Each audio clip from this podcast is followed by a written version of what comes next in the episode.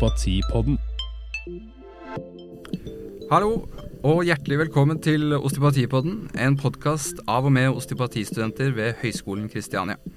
Mitt navn er Kristian Eikvar, og sammen med min medstudent Markus Andreas eh, Hansen skal vi lose deg gjennom denne ganske spesielle episoden. Men først, eh, hei hei til deg, Markus. Velkommen Christian. til podkasten. Takk for det. Kan ikke du fortelle litt eh, om deg selv? Ja. Hvem er du? Eh, Jeg heter jo da Markus. Er 26 år fra Fredrikstad. Tidligere spilt eh, fotball og studerer nå osteopati. Jeg slutta med fotball for noen år siden og starta med crossfit. Ja, CrossFit. Crossfit. det er bra idrett. Ja, Ja. idrett, idrett eh, Ja, Ja, det altså, Det er en folk- treningsform. Ja, Når e-sport har fått en plass i idretten, da, Da- syns jeg crossfit også skal ha en plass. Sant nok. Ja. Men uh, i dag så skal vi ha en litt eh, spesiell uh, episode. Vi skal nemlig ha et lite telefonintervju Uh, i forbindelse med at vi nå, altså nåværende og fremtidige osteopater, har i hvert fall fått beskjed om at vi får offentlig autorisasjon som helsepersonell. Det er en tidlig julegave i et ellers tøft år. Det er helt sant. Ja, en, god, en skikkelig gladnyhet Uh, i år. Ja, Vi har venta lenge på den. Ja.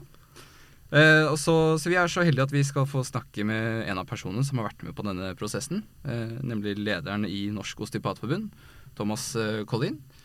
Eh, så vi var, det var vel sånn at eh, 1. desember så fikk eh, han beskjed av eh, eh, F, ja, en i Frp. Eh, dette her skal vi jo finne ut av, men eh, det er vel Frp som har gått eh, i den budsjettavtalen. Ja. Eh, og stilte da et krav om at osteopater og naprapater gis offentlig autorisasjon som helsepersonell, og at akupunktører skal få en ny vurdering. Mm. Så Eh, gratulerer til naprapatene og, og til akupunktørene med delseier. Ja, det er jo absolutt en delseier for de. Ja. Um, og en stor seier for oss og naprapatene. Ja, veldig. Det, det er blitt eh, jeg, jeg, har, jeg har tro på 2021. Altså. Det, Ja, Jeg skal ikke altså, banke i bordet. Det, ja, det er jo lov å se positivt inn mot det året nå. Ja, absolutt. Eh, eh, 2020 startet jo ganske heftig med noe Nesten tredje verdenskrig. Nesten og, tredje verdenskrig og litt sånn Walking Dead-tilstander. eh. ja, Så nei da. Så det var, det var østers i babben. Eh, det, det var greit.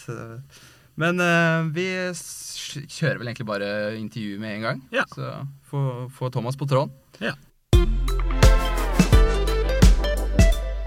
Osteopatipodden. Yes, eh, velkommen tilbake. Og hallo til eh, deg, Thomas eh, Collin.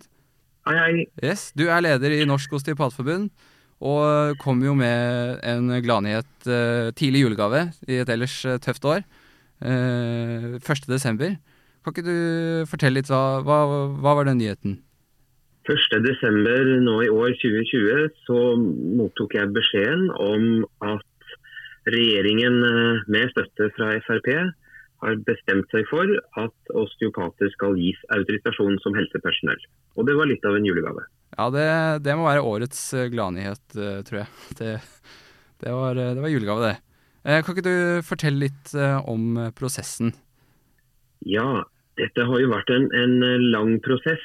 Og de som har fulgt oss, og medlemmer og andre rundt, har jo sett at vi, vi har jobbet mye med dette i mange år. Og jeg skrev til medlemmene når vi fikk nyheten, og bare ønsker å si det her også, da, at dette er jo en, dette er en lagseier. Det er veldig mange mennesker som har jobbet godt i mange år for å nå frem dit vi er i dag.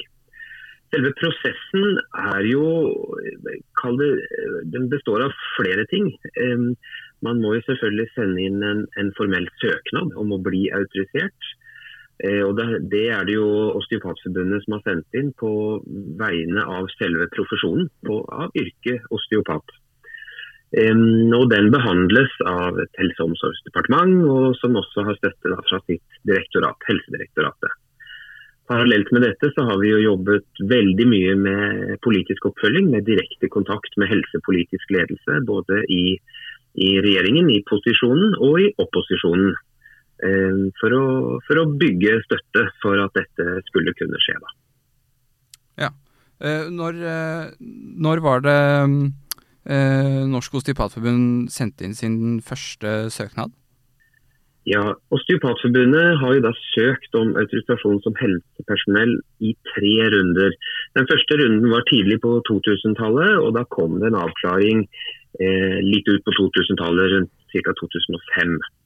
Eh, og Det var en tid hvor flere profesjoner ble eh, vurdert av departement og direktoratet. og Man, man hadde en, en, litt større runde på å vurdere autorisasjonsordningen som sådan. Um, så da var vi også en del av den vurderingsrunden. da. Det førte dessverre ikke fram den gangen, og det var kanskje også litt for tidlig for oss. Vi var ikke der vi er i dag. Andre runde den startet i mars 2010. og Det var en grundig søknad som ble levert, ble levert da. men fortsatt så nådde vi ikke helt fram. Vi fikk svar først i 2014. Og det var en prosess som var hva skal jeg si, forholdsvis byråkratisk og tung de årene. Og det endte jo dessverre da med et avslag. Siste runde nå, denne tredje runden vi har søkt, den sendte vi inn i desember 2018. Eh, og som kanskje noen husker, så var eh, en gruppe stortingspolitikere på Kristiania faktisk, og møtte både lærere og studenter i eh, da, høsten 2018. Og vi håper jo at det er litt på bakgrunn av eh, hva skal jeg si, mye kontakt og oppfølgingsarbeid. Så da var på en måte tonen litt annerledes. Da var den ganske positiv. Og vi ble i grunn oppfordret til å søke med beskjed om at nå er tiden moden for å se på osteopatene igjen. Og Den prosessen fra 2018 den har da rullet og gått i departementet og også i direktoratet. Eh, og endte nå med eh, en politisk beslutning i desember 2020 med at osteopater skal gis autorisasjon. Ja, men eh, hva tenker du Hva var det som gjorde at det gikk igjennom denne gangen? Og, eller hva har vært den største utfordringen da, i prosessen for å oppnå autorisasjon? Ja, dette er jo sammensatt. Eh, og for å snakke litt generelt, hvis man skal få igjennom endringer i samfunnet, så uansett om det handler om å bli helsepersonell eller noe annet som er en, er en, en sak til, vurdering hos politisk ledelse og myndigheter, så man må jo formelt presentere alt man blir bedt om. Det må være dokumentert, presentert punkt for punkt hva som er alle de gode argumentene underbygget med dokumentasjon. Og det handler for oss da helt spesifikt om utdanning, om internasjonal harmonisering. Hvor mange osteopater er det, hva slags tjeneste er det vi leverer, osv. Selvfølgelig også om dokumentasjon på eh, helsetjenesten vi leverer som sådan. At den har kvalitet, at, den har, at det er dokumentert at osteopati har og kan ha effekt på mange forskjellige problemstillinger. Mm. I tillegg til det så må man gjøre et synlighetsarbeid og et oppfølgingsarbeid mot beslutningstakere. Og eh, Det er vel det som jeg tror har vært viktig disse siste årene. At vi, vi har fått opparbeida en, en bevissthet da, og en forståelse for hvem vi er, hva vi gjør. Og at vi har eh, bygget opp en, eh, en tillit til at det vi har presentert er riktig og ryddig. og at nå var tiden moden. Nå var det på en måte det riktige å gjøre. Så Det at de gikk igjennom denne gangen, er jo da en politisk beslutning fra helsepolitisk ledelse i våre største partier i praksis. Ja, eh, supert. Det, tror du det har noe betydning at eh, autorisasjonen ble vedtatt eh, eh sånn politisk, eller sånn uten anbefaling da, fra mm. Helsedirektoratet? Ja, og eh, Både ja og nei. og Bare for å gi litt bakgrunn til det. og det er at eh, Det er jo ikke slik at direktoratet har avfeid vår, eh, vår, søknad og sagt at her var det ikke noe bra i det hele tatt. Tvert imot. De har jo gått gjennom vår søknad grundig. Eh, vi har også gitt en del tilleggsopplysninger ut fra noen første kommentarer de hadde. Eh, og Konklusjonen fra direktoratet, som jo er faginstansen til departementet, det er at vi, osteopatene, oppfyller en rekke av de kravene som er satt. Mm. Det handler bl.a. om at utdanningen er god og helsefaglig relevant. Og jeg tror det ordet står omtrent sånn eh, at det ruster osteopatene til arbeid i helsetjenestene. Mm. Det står også positive ting om dette med internasjonal harmonisering. At det er mange land rundt oss i Norden og Europa som har regulert yrket osteopat. Og flere andre ting som taler for at osteopater nå er, eh, kan vurderes som helsepersonell. Det direktoratet sa nei til, var i større grad det som vi kan kalle en helhetsvurdering, en slags totalvurdering hva er denne yrkesrollen egentlig? Hva er det de gjør? Hva slags tjeneste er det de leverer? Og Her er vi jo litt uenige med direktoratets vurderinger. De mente at vi nådde ikke helt opp der. Eh, det mener vi at vi gjør.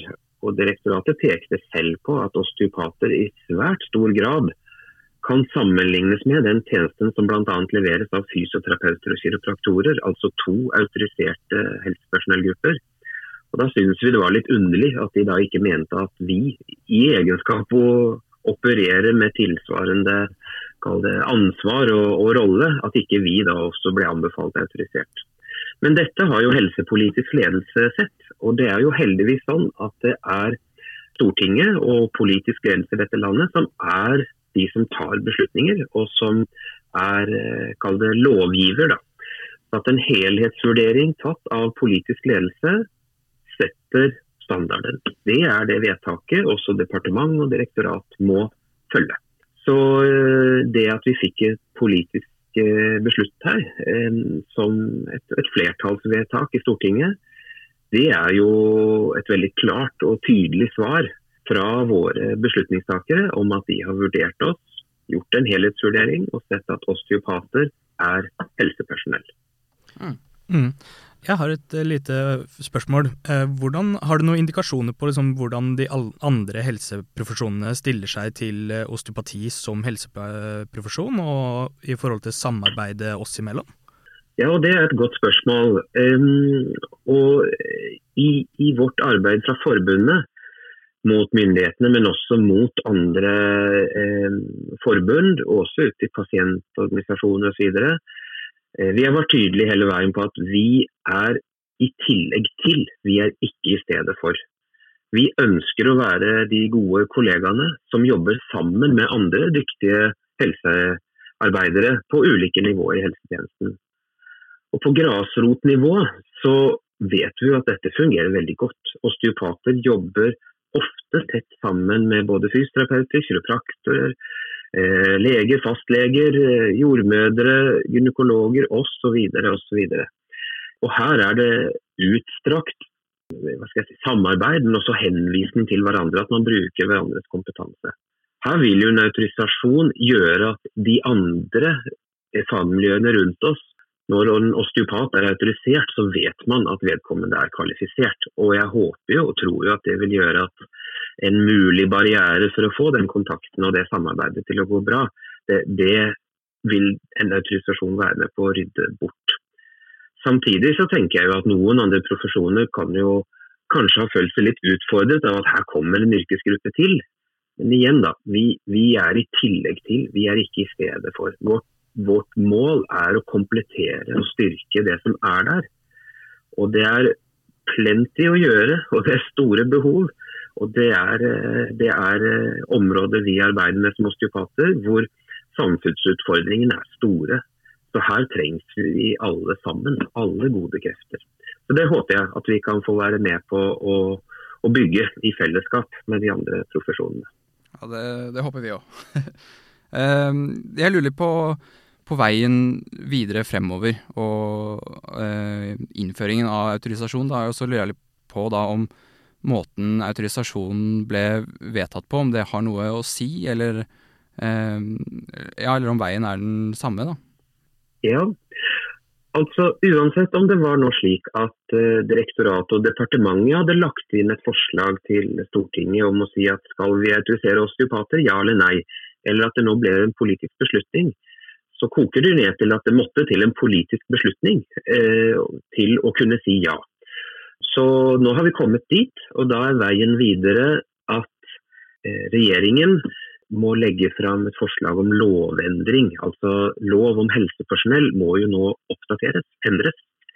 I paragraf 48 i helsepersonelloven så står det en, rett og slett en liste med, med yrker, med titler. Der står det fysioterapeut, sykepleier osv. Der skal nå også osteopat legges til. Og Det er jo en lovendring, og det må Stortinget beslutte.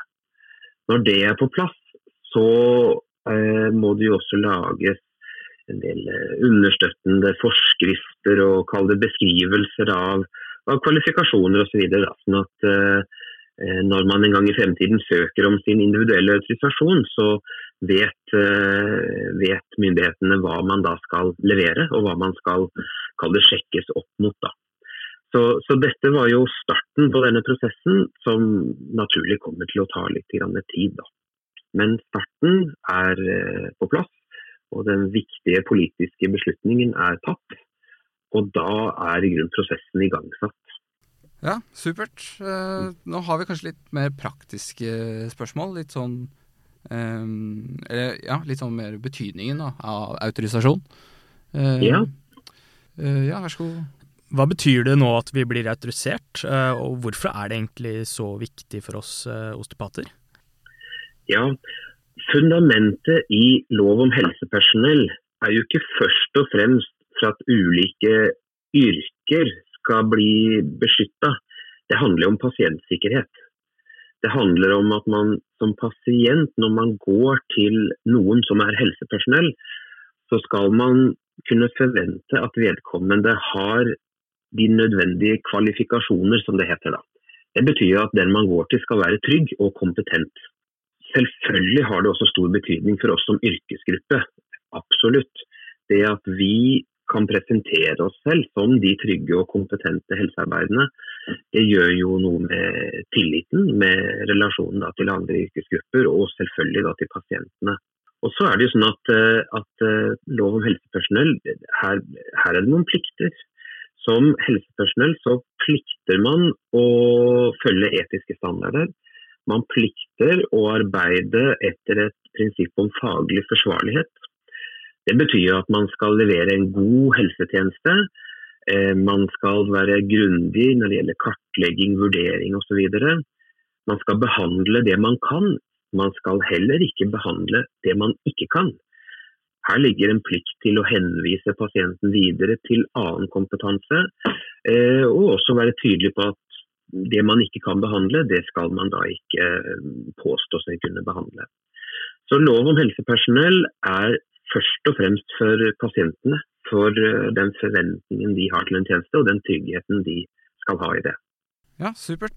Og så lurer jeg deg litt på, og tror du Eller hva tror du vil kanskje endre seg i forhold til hvordan osteopater praktiserer og jobber i dag? Altså, vil det ha noe Eh, å si for arbeidsmarkedet? Og tror du vi har kanskje mulighet for innpass på enkelte steder vi ikke har hatt innpass på før? Ja, dette er gode spørsmål. Og, og nå er vi jo tidlig i en prosess. Så, så, det er jo litt vanskelig å si helt hvordan alle disse brikkene nå faller på plass, og vi, hvor vi står etter det. Men, men eh, for å ta det første først. Vi blir nå helsepersonell i kraft av at vi oppfører oss som helsepersonell. Vi har en utdanning som, som eh, kvalifiserer oss for å være helsepersonell. Og vi har et internasjonalt miljø og en rolle ute i samfunnet som, som på en måte også understreker det. Så Det betyr jo at osteopater fortsetter sitt gode arbeid slik de gjør i dag. Så kan man jo si at med en autorisasjon på plass, så vil det jo og, eh, altså det, jo, det, vil gi mulighet for en økt trygghet da, i samspillet mellom pasient og osteopat. Eh, dette med pasientsikkerheten, at de er trygge på at man har de kvalifikasjonene man har. Det vil jo også kunne da, videreutvikle det samarbeidet med andre helseprofesjoner, igjen til det beste for pasientene. Vi vil jo naturlig involvere oss som forbund i ulike fora hvor helsepersonellgrupper i vår sektor snakker sammen om de utfordringene vi møter i fellesskap. Så, så, her, så her, åpnes det opp noen muligheter på mer sånn overordna plan også. Når det gjelder arbeidsmarkedet, så er det jo slik at osteopater arbeider primært i privat helsetjeneste. ikke sant? På lik linje med privatpraktiserende fysioterapeuter som da ikke har driftstilskudd, eh, kiropraktorer, naprapater og andre. Og sånn forventer vi at det fortsetter å være, eh, og, og i nok ganske lang tid. Men med en autorisasjon på plass, så vil vi jo også arbeide for at andre nivåer av helsetjenestene ser at en osteopat er en kvalifisert helsearbeider som kanskje kan bekle en rolle også i, i andre settinger. Og det, det, skal vi jobbe videre med og, og se om, om, det kan være muligheter i fremtiden. Men, men per nå, så, og også i den nærmere fremtid, så er det nok naturlig å se for seg at osteopater fortsetter primært å virke da, i privat helsetjeneste på ganske lik linje sånn som i dag. Mm. Supert, bra. Det, det, er jo spennende. Det det hadde vært spennende med en fremtidig jobb på et sykehus, f.eks. Jeg har selv vurdert å rette DO-oppgaven mot eh, eh, osteopater i England, holdt jeg på å si. Ikke England, men i USA, og deres arbeid der på, eh, innenfor sykehus. Men eh, slik, ja. Slik, vi har forstått det, så, så er det jo den fireårige fullutdannelsen. den er viktig, et viktig del av grunnlaget for autorisasjonssøknaden. Ja. Men eh, hvordan blir det for de som har gjennomført eh, utdannelsen på deltid, eller gjennomført utdannelsen i utlandet? Ja, og det er et godt spørsmål. Og um, Når man søker med autorisasjon, sånn som vi har gjort nå, så må vi eh, presentere og dokumentere det utdanningstilbudet som er tilgjengelig eh, etablert i Norge i dag. Eh, og Det er jo naturlig. Det er jo der osteopater utdanner seg i Norge i dag. Så Det er helt opplagt at det får stor eh, plass i en sånn søknad og i en presentasjon. Og som sagt, Helsedirektoratet har jo da også bekreftet at utdanningen er god og helsefaglig relevant. Det er liksom sjekk på det punktet. Det vi har presentert i søknaden, eh, er jo også at det er andre utdanningsveier til å bli kvalifisert osteopat. Og at dette er i tråd med internasjonale standarder for utdanning og at dette også er etablert i de andre land hvor osteopati er regulert. Og Det er eh, brukt et ord tilsvarende eh, flere plasser i søknaden, og det står også i helsepersonelloven. At man må presentere den kompetansen man har, de kvalifikasjonene man har. Og det er rom for forskjellige veier til å bli kvalifisert til et gitt nivå. Som sagt, dette er presentert i søknaden. Det ligger mer detaljert beskrevet i flere av de vedleggene vi har i dette. Og eh, trøkket ligger naturlig nok på at vi har en god fire års fulltidsutdanning. Eh, og det har vært en viktig brikke for å nå dit vi er i dag. Men vær trygg på at Osteopatforbundet jobber for at alle som er kvalifiserte osteopater, skal ha en reell og god mulighet til å nå fram med en autorisasjonssøknad individuelt da, når den tid kommer. Mm. Eh, du toucha jo litt innpå den søknadsprosessen eh, for eh, osteopatene. Hvordan vil egentlig den ja. se ut? Må man søke individuelt, eller kommer det til å være en felles søknad fra forbundet? Ja, Autorisasjonssøknaden vi har levert som forbund, handler jo om yrket som sådan. At man skal få yrket osteopat på plass i lov om helsepersonell. Det er liksom eh, toppen av kransekaka. Da. Man må liksom bare få det på plass. Da, da har man begynt å bygge eh, et rammeverk som så individene må søke. Altså den enkelte osteopat må søke om å bli autorisert i kraft av sine egne kvalifikasjoner. Eh, og at man også skal presentere vandel osv. I fremtiden så vil det jo forhåpentligvis være slik at når man fullfører sin utdanning fire år på HK eller på en utdanningsinstitusjon, så går det litt mer på automatikk. Da får man sin autorisasjon kall det med en litt raskere og enklere prosess etter fullført og, og bestått uh, utdanning. Uh, det er noe frem i tid jeg snakker nå. Slik det er nå, når vi får dette rammeverket på plass og alt uh, er klart, så vil hver enkelt osteopat måtte sende sin søknad basert på sine egne kvalifikasjoner. Og man må bekrefte ja, ut, ja, personopplysninger, vandel osv. I dette arbeidet så skal jo vi i forbundet hjelpe våre medlemmer så godt vi bare kan. Så her er jo oppfordringen vær litt tålmodig.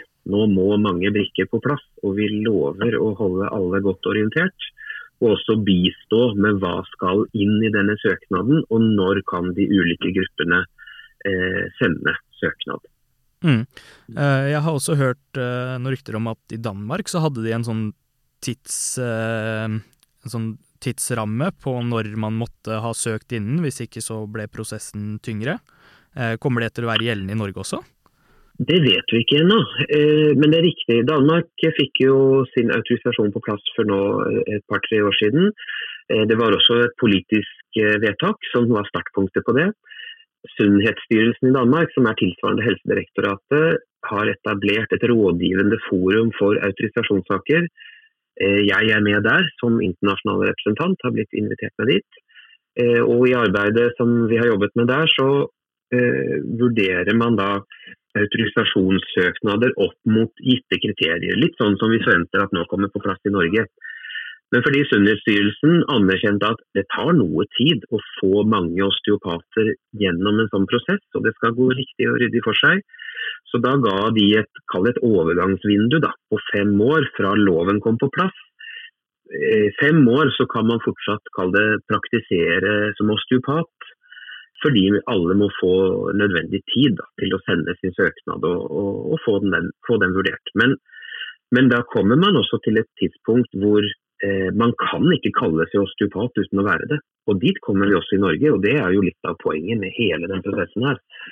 Man skal ikke kunne kalle seg osteopat uten å være det. Man må være kvalifisert. Pasienter som går til en osteopat skal være trygg på at den de møter, er en trygg og kompetent behandler, en osteopat. Så da vil det rett og slett bli ulovlig å kalle seg osteopat eller å utføre osteopati uten å være osteopat. Mm. Ja, det jeg tror vi er ganske fornøyde der. Ehm, helt til slutt, eh, hvem tror du Vi skal spekulere litt. Hvem tror du vil bli den første autoriserte osteopaten? Er det, er det deg?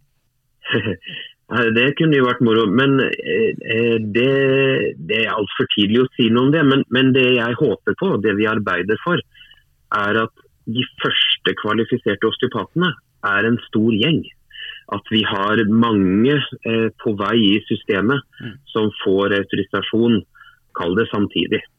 Um, men igjen da, vi må være litt tålmodige, sånn at vi vet at systemet er klart for å ta imot våre søknader. Det er ikke noe poeng å, å pushe det og sende inn ting som ikke er kall det gjennomarbeida og, og grundig nok. Vi må få alt på plass, sånn at vi er trygge på å, å få en riktig og god behandling da, av det som blir sendt inn. Og Da håper jeg at det faktisk er en god slump av eh, våre medlemmer som eh, når fram og blir eh, autorisert. Og Det var faktisk tilfellet i Danmark. Da. De tok noen gode jafser, kall det puljer, i sine første runder, for det var jo naturlig mange som søkte. Um, og det var veldig moro å se. De har jo nå i Danmark fått ja, den overveiende majoritet av sine medlemmer gjennom dette i god tid før de der fem årene er gått. Mm. Men jeg tror vi må regne med at det tar, det tar kanskje et år før vi vet hvordan dette rammeverket skal se ut, og før vi kan begynne å søke. Jeg tror ikke dere kan få en autorisasjon i posten til sommeren, gutter. Dere må nok eh, vente litt, og så kommer det etter hvert. da. Ja. Det var det vi håpa på. Nei, vi får, vi, vi får sette oss eh, ned i båten og ha is i magen. Så ja. Nei, men Tusen takk for at uh, du tok deg tid til intervjuet, Thomas. Vi, uh, Bare hyggelig. Jeg tror vi på vegne av alle studenter her uh, takker deg og dine medspillere for alt arbeidet dere gjør. Og ønsker deg en god jul og godt nyttår. Får du ferie i år, tror du? Ja, det er ikke ferie riktig ennå. Det ruller og går med ganske mye en liten stund til. Men jeg tror at vi i NOF og også alle våre medlemmer, jeg tror egentlig de fleste i samfunnet trenger en rolig og god jul. Lade batteriene litt. Det har vært et utfordrende år på mange måter for mange av oss. dette koronaåret. Ja. Så en god juleferie det tror jeg gjør oss godt. Så er det bare å brette opp ermene og fyre løs på 2021 når vi bikker nyttår. Ja. ja. Takk for at du kom. Takk for uh, intervjuet. Yes, ha en fin Tusen takk. Ha det bra.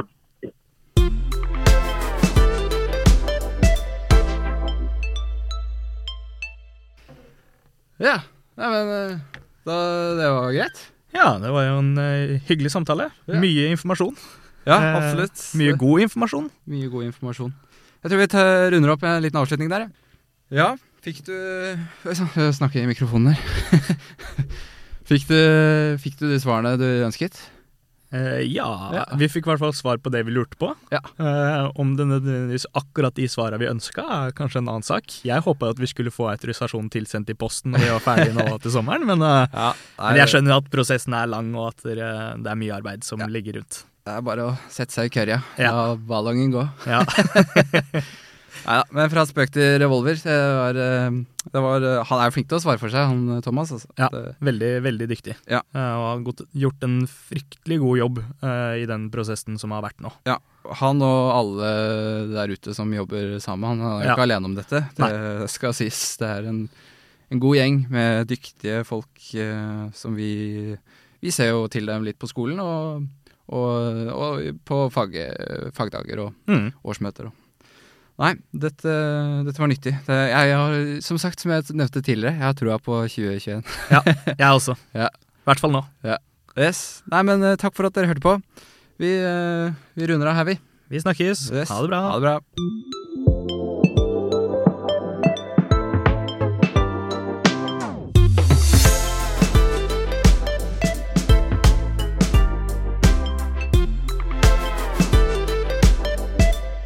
Osteopatipodden.